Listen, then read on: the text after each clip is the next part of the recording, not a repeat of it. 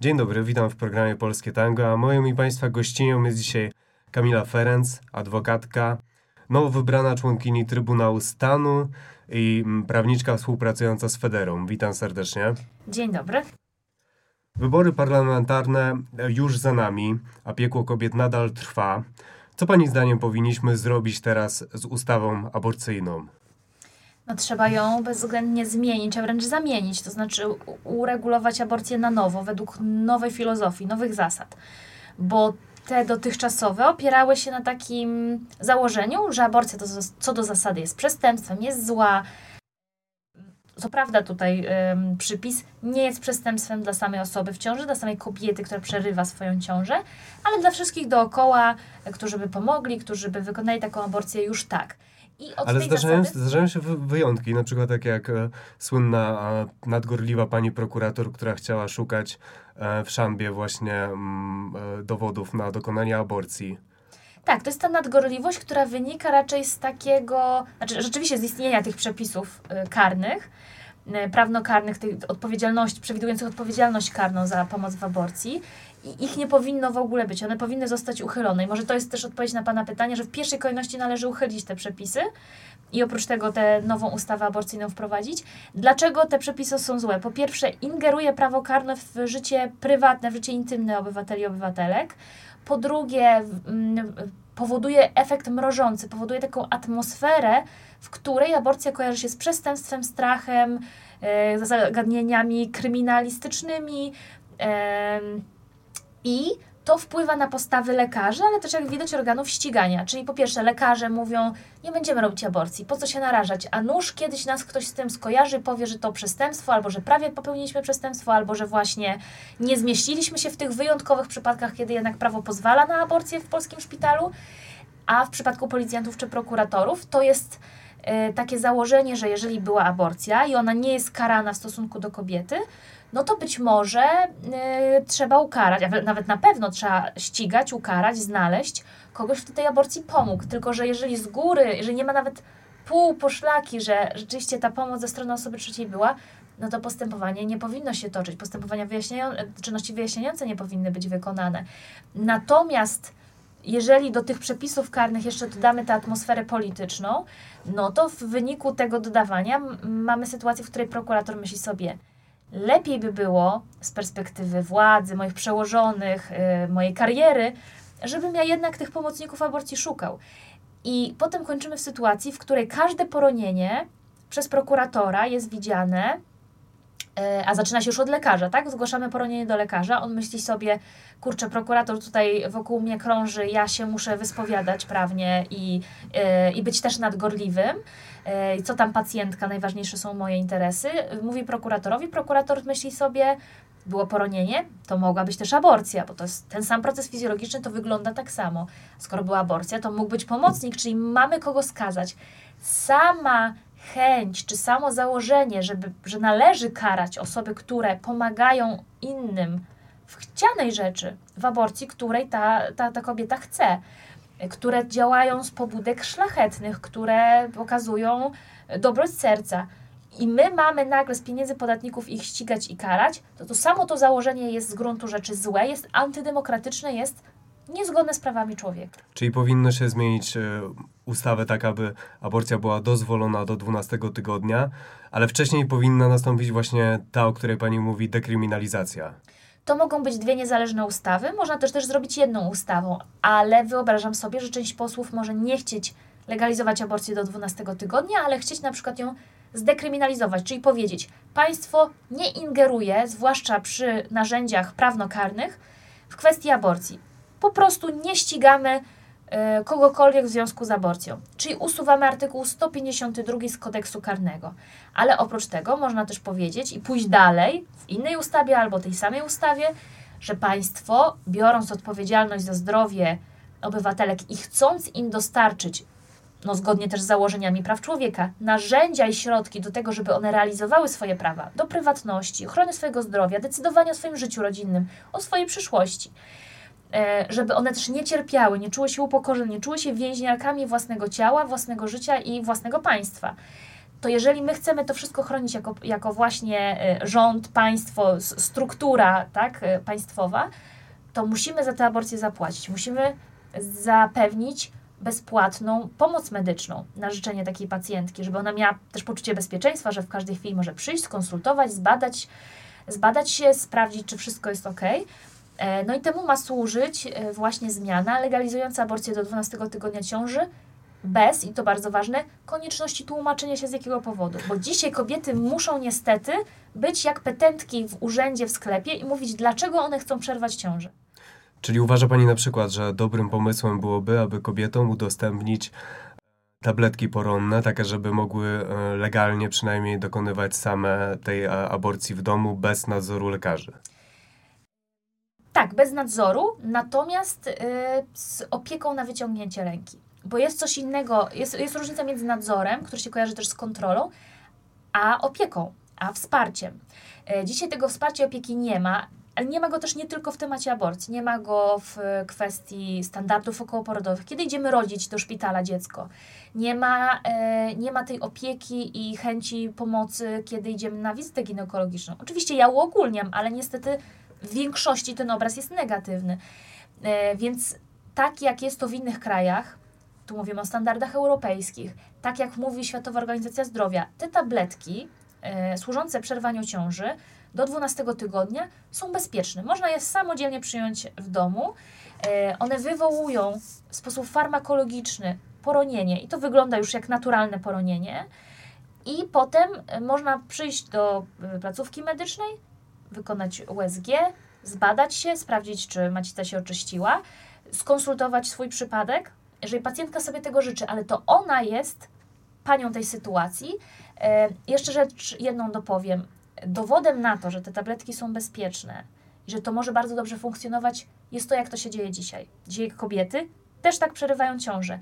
Bez wsparcia państwa, e, z oddechem tego państwa i prokuratora za plecami, no bo przecież one mogą w każdej chwili być wezwane na przesłuchanie, choćby w charakterze świadka, tak? One nie mogą być podejrzanymi, ale mogą być świadkiem we własnej sprawie i będą musiały się tłumaczyć, opowiadać o tym, jak krwawiły w domu, że przerwały ciąż, zamówiły tabletki, no to jest upokarzająca sytuacja. Tego nie powinno dochodzić. Mimo, że aborcja sama w sobie nie jest powodem do wstydu, to, to mimo wszystko na obskurnym komisariacie musieć to opowiadać, to, to na pewno nie jest nic miłego. I to się dzieje, bo y, przerywania ciąży, aborcje mają miejsce bez względu na to, jakie jest prawo w danym państwie. Mimo zakazów, te aborcje są. Przykładem jest też na przykład Salwador e, albo inne kraje y, Ameryki Łacińskiej, w których no to prawo się tam mm, pozmieniało, w niektórych miejscach wciąż jest skrajnie restrykcyjne, że tam dochodzi nawet do karania, do wsadzania kobiet do więzienia za poronienie, a mimo wszystko te kobiety przerywają ciążę, nawet ryzykując więzieniem tak bardzo są zdeterminowane, żeby jednak odzyskać kontrolę nad swoim ciałem, nad swoją przyszłością, bo zajście w ciąży i urodzenie dziecka zmienia życie każdej osoby, a zwłaszcza kobiety, no bezpowrotnie i w bardzo znacznym stopniu. A czy problemem nie jest to, że nawet ustawa dekryminalizująca nie do końca znosi kary, na przykład zmienia karę możliwości pozbawienia wolności z lat trzech do, do jednego roku, że nawet ta ustawa dekryminalizująca również pozostawia jakieś kary. Czy to nie jest problemem? E, czy pan mówi o Projekt. tym projekcie, tak, który lewicy. jest obecnie złożony przez lewicę? Ja um, uważam, że ten projekt był, powinien być dalej idący. To jest decyzja polityczna e, lewicy, że chcą mieć tę dekryminalizację w takim okrojonym e, kształcie. No ja nie jestem członkinią klubu lewicy ani partii, e, które wchodzą w skład e, tak, te, te, tej koalicji lewicowej, więc no nie odpowiadam za ten projekt, natomiast e, w ramach konsultacji tego On projektu powinien iść dalej, tak? uważam, że powinien być dalej idący. Natomiast jeżeli zostanie uchwalona dekryminalizacja nawet w takim kształcie jak w projekcie Lewicy, to już będzie krok do przodu. A nie uważa Pani, że uchwalenie takiej ustawy E, no spowodowałoby jednak rozczarowanie kobiet, które na przykład znalazłaby się w takiej sytuacji, e, że zostałaby o to oskarżona i no, czy to nie spowoduje jakiegoś większego społecznego niezadowolenia, że politycy reklamują to, że kary zostaną zniesione, a kary tak naprawdę pozostają? Znaczy, kobieta nigdy nie może być oskarżona. Natomiast. W przypadku pomocy, oczywiście, tak. tak. W, może chodzić o kary dla na przykład przyjaciółki, która pomaga innej przyjaciółce w ciąży. Mm, z tego co wiem, to tym w, proje w tym projekcie są takie okoliczności, w których rzeczywiście tej kary nie ma w ogóle.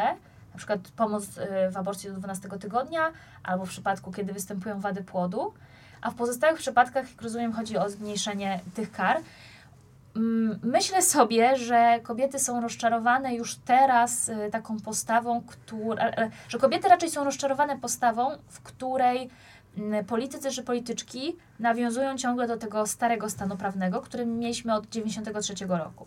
Niektórzy nazywają go zgniłym kompromisem na przykład, ale no de facto to jest zakaz z pewnymi wyjątkami. Y, I w sytuacji, w której niektóre kluby polityczne, parlamentarne, y, y, z którymi mamy do czynienia w tej kadencji, no właśnie mówią, że maksimum, jakie mogą zapro zaproponować, to jest powrót do tego stanu sprzed na przykład wyroku, pseudo-wyroku Trybunału Konstytucyjnego, to to jest rozczarowanie. Natomiast zmiana filozofii tego, tej regulacji dotyczącej aborcji, jaką jest przynajmniej stopniowe wyłączanie prawa karnego e, z, z tego zakresu, no myślę, że raczej to będzie poczytane pozytywnie. Ja się bardziej boję innej sytuacji, w której te mm, projekty w dalej czy mniej idącym kształcie, proszę też pamiętać, że w polskim Sejmie nigdy nie debatowano nad projektem ustawy dekryminalizującej. To będzie jakiś rodzaj precedensu, przecierania szlaków i to, i to jest rzecz pozytywna. Natomiast ja się boję, że jeżeli te, te ustawy przepadną i to w, w dosyć szybko, to ten temat zostanie w Sejmie zamknięty na dłuższy czas. Wiele tu będzie zależało od marszałka, czy w, w miarę wpływania nowych projektów, kolejnych projektów e, w tej kadencji, on będzie je do, dopisywał tak, do planu obrad, do porządku obrad, będzie rozpoczynał nad nimi prace parlamentarne, legislacyjne, czy stwierdzi, że skoro już te ustawy zostały raz, te projekty już raz zostały odrzucone, to już przez dłuższy czas nad nimi się Sejm y, pochylać nie będzie. Ja się po prostu tego boję, że zostaniemy z tą sytuacją, która jest obecnie, a ona jest no powiem najbardziej delikatnie, jak się da, daleko od ideału. Znaczy historia pani Anny i marsz w jej imieniu na który nie została zaproszona, nie pokazują, że również przyszła władza traktuje trochę temat praw kobiet instrumentalnie? Obecna kadencja Sejmu y, nie jest kadencją, czy ta, ta większość rządząca nie jest y, y, większością idealną pod kątem praw kobiet. Już teraz słyszymy z ust kilku polityków, czy kilkunastu nawet, którzy wchodzą w skład tej koalicji nowej, która jeszcze no, nie utworzyła rządu, ale najpewniej to się stanie, no właśnie słyszymy rzeczy takie regresywne, yy, wcale, wcale nie opowiadające się, że zapełnią praw kobiet. A można powiedzieć, że ta koalicja wygrała wybory dzięki kobietom. Tak, uważam, że wygrała dzięki kobietom. To jest jakiś rodzaj paradoksu, że z jednej strony te kobiety mm, zapewniły historyczną frekwencję, zapewniły, przynajmniej w jakimś, jakiejś części, tak, były ważnym czynnikiem. Ja uważam, że, że, że nawet bardzo ważnym który y, doprowadził do zmiany władzy. No to, co robił PiS w poprzednich kadencjach z prawami kobiet y, i te obietnice, że się to poprawi ze strony y, opozycji, miały, uważam, znaczący wpływ. Mm, natomiast z drugiej strony jest takie poczucie, że ci sami politycy mieli kiedyś szansę zmienić to prawo i tego nie zrobili, albo mieli wypowiedzi bardzo zachowawcze lub wręcz traktujące tematy kobiet jak tematy zastępcze może część z nich się zreformowała. E, natomiast niestety to jest trochę zamiana na sytuację nieco lepszą, ale nie jakąś bardzo dobrą. Ja jestem trochę sceptyczna. Niektórzy tej, mówią, że z ideologii stali się kwestią światopoglądową trochę nie rozumiem tego rozróżnienia. Ja w ogóle nie stosuję tych kategorii, jeżeli chodzi o tematy aborcji. Dla mnie temat aborcji jest tematem światopoglądowym wyłącznie, jeżeli ktoś podejmuje swoją własną, autonomiczną, prywatną, rodzinną decyzję, tak? Czyli ktoś mówi, jestem w ciąży, zastanawiam się, przerwać tę ciążę czy nie i od, od, y, odnosi się do swojego światopoglądu. Natomiast jeżeli wchodzimy na poziom debaty sejmowej, mamy do czynienia z posłami, posłankami wybranymi przez społeczeństwo, to oni muszą potraktować ten temat z perspektywy polityki zdrowotnej, zapewnienia ochrony prywatności i godności kobiet, sprawienia, że żadna więcej kobieta, ani jedna kobieta nie umrze już więcej na e, oddziałach ginekologiczno-położniczych w Polsce, w polskich szpitalach.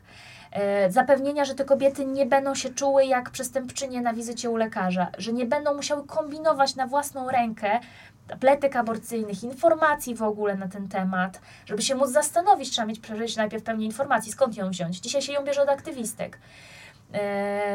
że nie będą się bały, że ich rodzina dostanie jakieś zarzuty karne, bo jakoś, jakoś ułatwiła tej kobiecie e, zrealizowanie tej decyzji o aborcji. Mm, więc ja nie widzę tutaj w ogóle miejsca na światopogląd, jakieś prywatne poglądy posłów i posłanek, jeżeli oni mieliby się tym zajmować właśnie z poziomu legislacji, mm, ale wciąż, no niestety, mam poczucie, że nie wszyscy to rozumieją. Potrzebna jest dalsza edukacja i potrzebna jest dalsza zmiana podejścia y, wielu jeszcze wciąż konserwatywnych, chociaż znajdujących się w tej części opozycji demokratycznej, konserwatywnych posłów, posłanek. Natomiast ja mogę zapewnić jako no, jakaś reprezentantka Fundacji Federa, że my mamy zamiar takie rzecznictwo i taką edukację wśród tych posłów i posłanek, zwłaszcza wywodzących się z trzeciej drogi, przeprowadzić. A czy sądzi Pani, że może w Sejmie się to póki co skończyć tym, że politycy przyjmą strategię, żeby, e, że dekryminalizują i zostawią e, temat e, na tym etapie i powiedzą, że nie będziemy ścigać, e, więc i więcej ustaw nie będzie.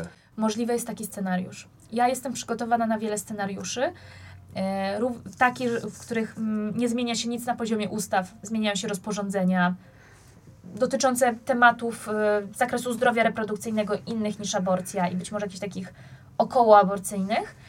Mm, jestem przygotowana na mm, scenariusz, w którym jest przyjęta wyłącznie ustawa dekryminalizacyjna. I czy na przykład, gdyby stanęło na tej samej ustawie dekryminalizacyjnej, to czy moglibyśmy na przykład y, oczekiwać wtedy strajku kobiet?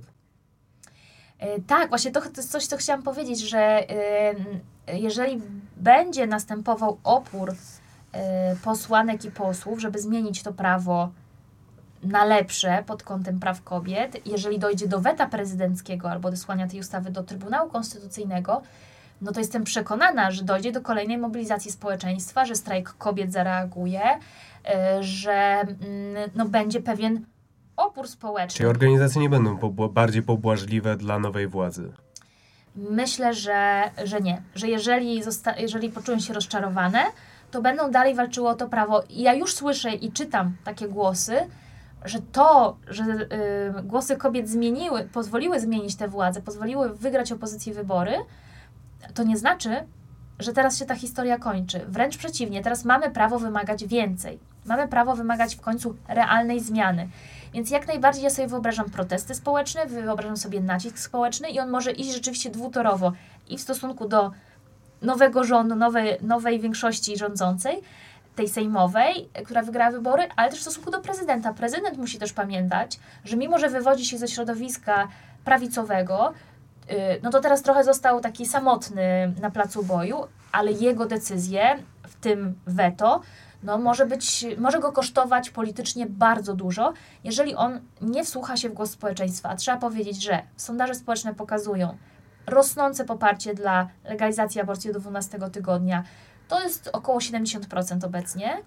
Po drugie, większość, we wszystkich elektorat, w elektoratach wszystkich partii, jednak większość tych elektoratów jest też za liberalizacją. W trzeciej drodze PSL-u to poparcie elektoratu wobec e, aborcji do 12 tygodnia wynosi 75-80%. No właśnie. I oni powinni wziąć to pod uwagę. Może być tak, że z jakiegoś powodu wypierają te kwestie, to poparcie i uważają, że mogą to przykryć innymi tematami, że wykażą się tak na innym froncie.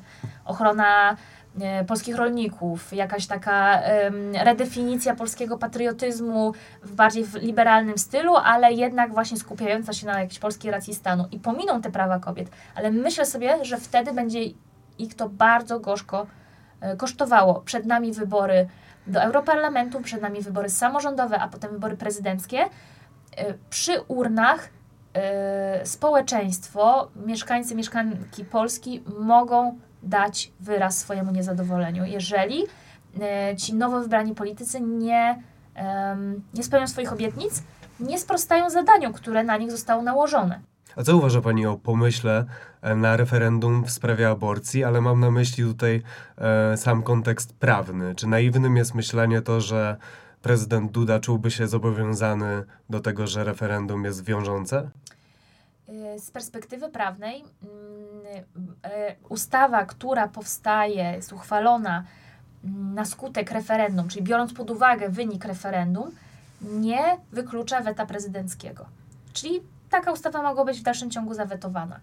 Co więcej, ja jestem przeciwniczką referendum w sprawie aborcji. Uważam, że po pierwsze, nie mamy do czynienia z kontekstem takim jak w Irlandii. W Irlandii rzeczywiście odbyło się takie referendum, ale ono tam było niezbędne, żeby zmienić prawo irlandzkie.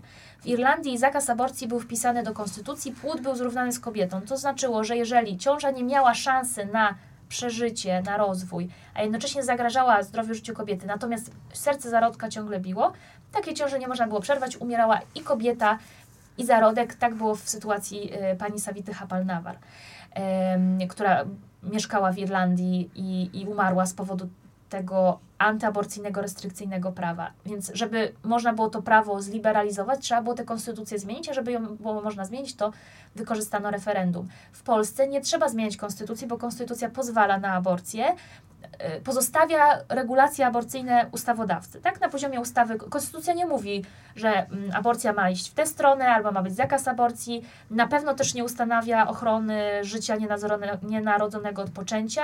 Na pewno nie przyznaje praw równych lub większych płodowi wobec kobiety. To kobieta ma pełnię praw, to trzeba podkreślić. Y, w związku z czym wystarczy po prostu przyjąć ustawę. To jest proste, to jest tanie.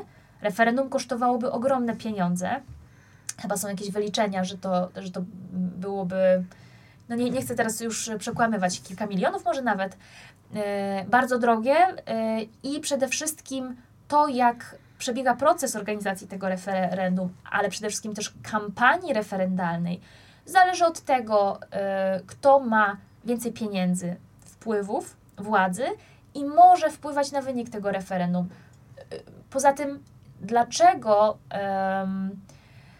Inaczej, może być też tak, że głosy w referendum będą uzależnione od tego, kto po prostu na to referendum się stawi.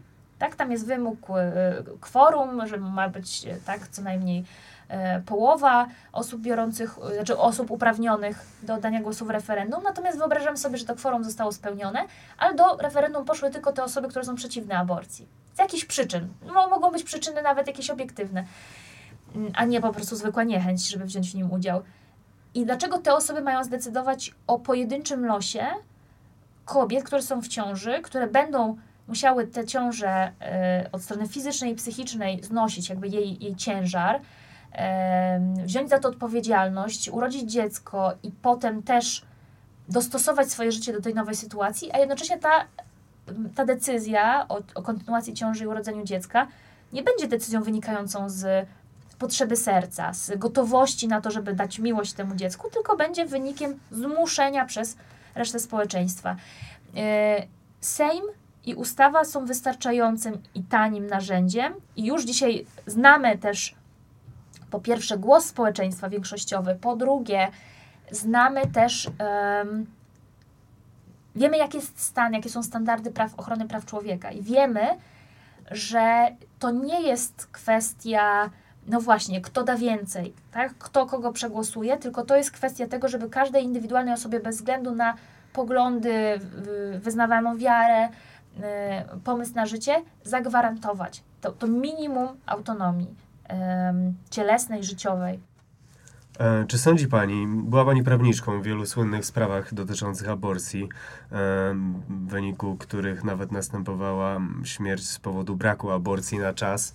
Czy sądzi Pani, że jest też dzisiaj tak, że lekarze często tak naprawdę zasłaniają się wyrokiem Trybunału Konstytucyjnego, a w rzeczywistości nie chcą dokonywać aborcji przez swoje przekonania? Dokładnie tak jest. Yy, powiedziałabym nawet, że to jest mniej kwestia przekonań, a bardziej koniunkturalizmu politycznego, pewnego wykalkulowania sytuacji. Lekarze w Polsce od kilkunastu, jak nie kilkudziesięciu lat nie chcą wykonywać aborcji.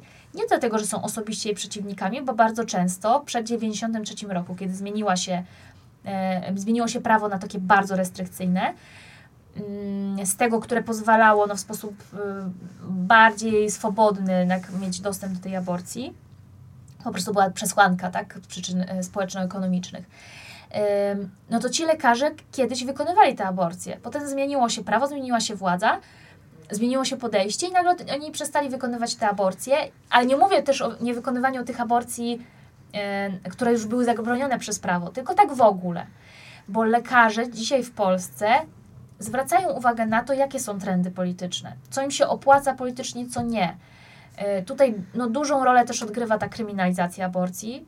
To, że aborcja się kojarzy dziś z przestępstwem, no to jest, no to jest to ma dużą siłę rażenia, tak? No, ale są też przypadki, e, w których na przykład sam minister Niedzielski mówił, że złamano prawo i lekarze, e, no trudno powiedzieć tak naprawdę, czy do końca nie dokonali tej aborcji dlatego, że się bali, czy po prostu dany lekarz miał takie przekonania. Czy powinniśmy zlikwidować klauzulę sumienia? Myślę, że dzisiaj, w sytuacji, w której ona jest tak nadużywana, w której nie ma e, zabezpieczenia, nie ma takich środków zabezpieczających wewnątrz systemu prawa dla pacjentów, pacjentek, żeby się przed, tą klauzul, przed nadużyciem tej klauzuli bronić. Nie mamy przede wszystkim mm, takich rozwiązań, w których jeżeli ja jako pacjentka w jakiejś pilnej sprawie medycznej, może nie takiej, że ja już umieram, ale, ale bardzo dla mnie ważnej, w której czas ma znaczenie, czekam długo w kolejce, bo taki, tak jest na NFZ, idę do tego lekarza i on mi mówi nie, bo klauzula sumienia i ja jestem odesłana z kwitkiem, ja nie wiem do kogo pójść. Czy ja mam podróżować po Polsce od szpitala do szpitala i błagać o pomoc? No to jeżeli taka sytuacja jest dzisiaj normą, patologiczną normą, to uważam, że jedynym rozwiązaniem jest zniesienie klauzuli sumienia w publicznym systemie opieki zdrowotnej. Niestety, ale e, lekarze sami sobie na to zapracowali, nadużywając te klauzule sumienia. Zresztą ona nie służy do ochrony światopoglądu czy sumienia dzisiaj. Uważam, tak jak powiedziałam na początku, że to jest jednak kalkulacja, a klauzula ma być takim wytrychem, taką tarczą, którą się ci lekarze osłaniają, odgradzają od pacjentek. Klauzula jest częściej stosowana nawet nie w przypadku aborcji, bo, do odmawiania aborcji lekarze mają zupełnie inne sposoby. Wy, wypracowali sobie przez te ponad 30 lat funkcjonowania bardzo restrykcyjnej ustawy aborcyjnej w Polsce przeróżne sposoby, żeby tylko tę pacjentkę zniechęcić, odesłać, yy, nie udzielić jej świadczenia zdrowotnego, jakim jest aborcja. Klauzulę sumienia się dzisiaj yy, się stosuje, żeby yy, odmówić pacjentce dostępu do antykoncepcji czy, czy badań prenatalnych. Lekarze przez długi czas w Polsce mieli problem, nie mogli dokonywać aborcji.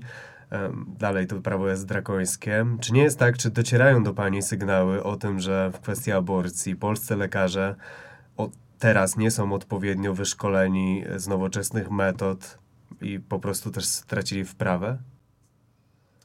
E, polscy lekarze nie wiedzą, jak się robi aborcję. To, że czy to jest prawda, nie są, nie są tego uczeni. Oczywiście część wie, bo część się dokształca na własną rękę. Sama znam takie przypadki, na przykład w szpitalu w Oleśnicy, czy w szpitalu na Zaspie w Gdańsku. To, tylko to jest własna inicjatywa tych lekarzy. Polskie programy nauczania no, traktują aborcję jako kółcze jajo. Standardy Światowej Organizacji Zdrowia y, no, i standardy współczesnej medycyny no są, są zupełnie inne niż rzeczywistość w polskich szpitalach. W polskich szpitalach brakuje sprzętu do aborcji próżniowej. Która który to sprzęt powinien być też zapewniony, y, bo jest przydatny w przypadku poronień zatrzymanych. Y, w polskim szpitalu nadużywa się łyżeczkowania, które może zaszkodzić pacjentce, w tym sensie, że to jest inwazyjne. Mo można uszkodzić macicę, potem są wzrosty, potem są jakieś problemy, choćby z zajściem w kolejną ciążę. Mm, w polskim szpitalu y, nie ma do dyspozycji, tylko to już jest problem systemowy bardziej niż lekarzy, niż po stronie lekarzy. W polskim szpitalu nie ma leku dedykowanego y, do aborcji, mimo że aborcja w pewnych przypadkach jest y, gwarantowanym świadczeniem zdrowotnym. Dzisiaj w Polsce pacjentki muszą przyjmować lek na wrzody i korzystać z jego skutków ubocznych, przez co przez to, że w tym leku są jeszcze dodatkowe substancje, których te pacjentki nie mogą w zbyt dużej dawce przyjmować. Bo, bo środki poronne nie są dobro, dopuszczone, nie są dopuszczone. do obrotu. Tak. Żeby, żeby przerwać ciążę potrzebne są e, dwie substancje, mifepriston i mizoprosto, z czego tylko jedna substancja jest dopuszczona do obrotu, ale występuje wyłącznie w formie leku na wrzody, artroteku czy cytoteku. No to jest sytuacja śmieszna i straszna jednocześnie. Potrzebujemy dopuścić do obrotu tę drugą substancję, a po drugie potrzebujemy leku, który byłby dedykowany aborcji. Nie miałby jakichś dodatkowych, niepotrzebnych substancji, ze względu na które trzeba wydłużać dawkowanie tego leku, przez to proces aborcji się wydłuża.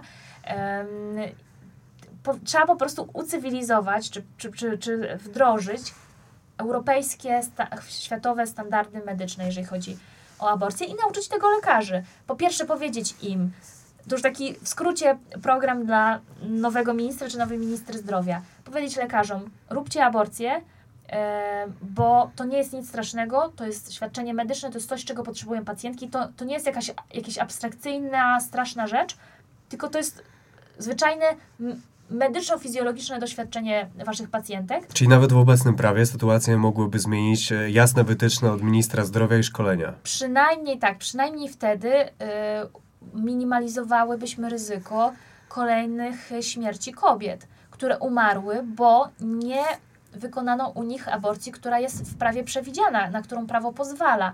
Tylko właśnie na tym polega efekt mrożący, na tym polega. Mm, polegają negatywne skutki tego, jak dzisiejsze prawo jest restrykcyjne, jak jest uregulowane, jak jest skonstruowane i jaka jest wokół niego atmosfera. I jak, jak bardzo brakuje też szkoleń na ten temat, bo jak się na, na, na jakiś temat nie mówi, nie szkoli, nie uczy się, no to wokół tego tematu narastają bardzo łatwo mity, jakieś tabu, po, przekazywane z pokolenia na pokolenie stereotypy dalekie od rzeczywistości. Czyli efekt mrożący jest na dzisiaj tak duży, że e, te wszystkie, większość z nich, najgłośniejszych przypadków dotyczących Izabeli z Pszczyny czy Doroty z Nowego Targu, nawet w obecnym prawie mogliśmy je uratować. Mogliśmy je uratować. Gdyby tylko lekarze nie czuli, że to, co jest w prawie, to jest nieważne, pacjentka i to, co ona czuje, potrzebuje, jest nieważne. Najważniejsze jest to, że politycy mówią, aborcja to zło, aborcja to przestępstwo, życie narodzone jest najważniejsze, jest ważniejsze od kobiety. Tak nawet jeżeli nie mówią tylko wprost, to to można wyczytać między zdaniami. I lekarze wtedy mówią, ok, no to my Wam ratujemy płód, my ratujemy ciążę, a pacjentka, no przepraszam bardzo, no jest efektem ubocznym. A zaświadczenie, które przy dzisiejszej ustawie pozwala wykonać aborcję z powodu zagrożenia zdrowia pacjentki, musi wydać dzisiaj lekarz specjalista, na przykład psychiatrii. Czy to powinno się również zmienić? Tak. Yy, to można zmienić rozporządzeniem, można zmniejszyć te wymagane kwalifikacje lekarzy, którzy mają wystawiać te zaświadczenia. Obowiązek zaświadczeń jest ciągle obecny w ustawie, więc bez zmiany ustawy nie da się go zlikwidować.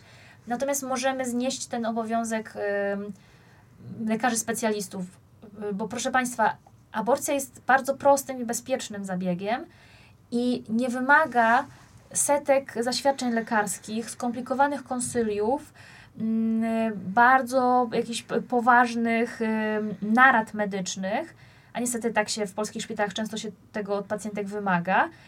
Natomiast to się, te, te konsylia, y, czy, czy jakieś y, poważne zaświadczenia lekarskie, one się odbywają, czy one są potrzebne tylko, tylko dlatego, że aborcja jest tematem tabu.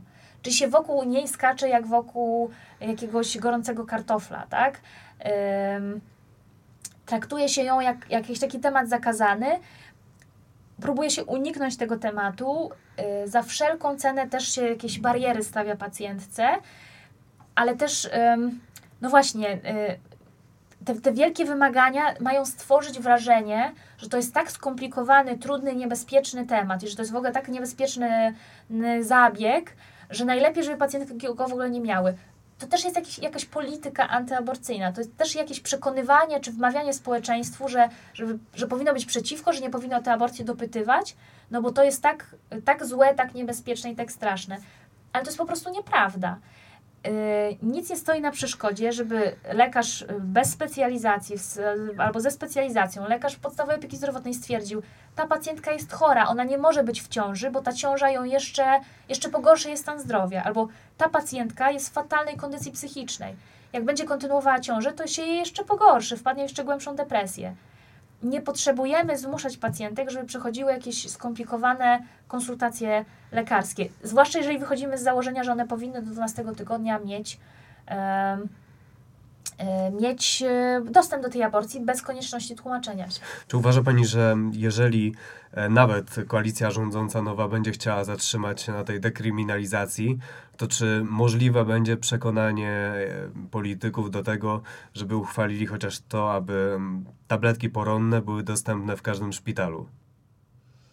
Bo aborcja w końcu, dokonywanie jej e, samej dla kobiet jest dzisiaj też nie jest karane, więc może byłaby chociaż na to szansa.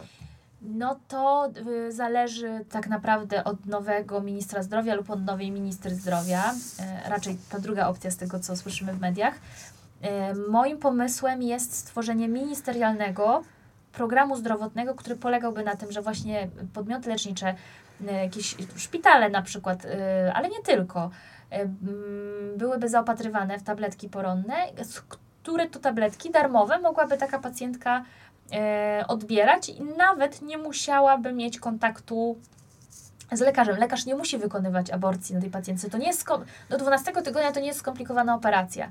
To jest przyjęcie tabletek, które wywołują skurcze, wywołują poronienie. E, I takie tabletki może wydać po wstępnej konsultacji, tak upewnieniu się, że ta pacjentka jest w ciąży położna. Ym, Może być też tak, że ta pacjentka najpierw idzie na USG i sprawdzają, czy to nie jest ciąża pozamaciczna albo zasięg groniasty, no bo wtedy jest zupełnie inna procedura udzielenia pomocy tej pacjentce. Ale lekarz nie ma nic wspólnego z tą aborcją, on nie podaje tych tabletek. On po prostu stwierdza, pacjentka jest w fizjologicznej ciąży, wewnątrzmacicznej, E, pacjentka udaje się do położnej, do pielęgniarki, do jakiegokolwiek innego pracownika opieki zdrowotnej, dostaje tabletki, wraca do domu, zażywa je w domu według instrukcji i w każdej chwili ma świadomość, że może przyjechać do tego lekarza, może zadzwonić, może się upewnić i nie wstydzi się i nie boi się o tym powiedzieć. Dzięki temu chronimy jej zdrowie i dajemy jej poczucie bezpieczeństwa, bo wie, że ten lekarz nie zadzwoni na prokuraturę. A jednocześnie też nie musi na własną rękę szukać em, źródeł dostępu do tych tabletek, co czasami kończy się tym, że te pacjentki korzystają z pomocy e, handlarzy działających na terenie Polski, e, którzy są oszustami. O tyle dobrze, że są dwie organizacje, takie jak Women on Web czy Women Help Women, które są zaufane, bezpieczne i to są międzynarodowe organizacje e, i, i dostarczają te tabletki, ale to też kosztuje.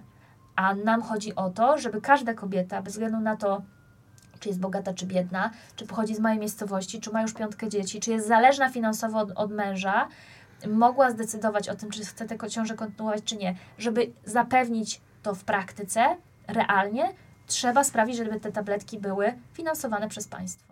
I miejmy nadzieję, że w tym kierunku będzie to szło. Moją i Państwa gościnią była dzisiaj prawniczka e, współpracująca z Federą, e, członkini Trybunału Stanu, Kamila Ferenc. Dziękuję bardzo. Dziękuję uprzejmie. A Państwo słuchali, oglądali audycję Polskie Tango. Ja nazywam się Wojciech Mulik. Dziękuję za uwagę i do usłyszenia.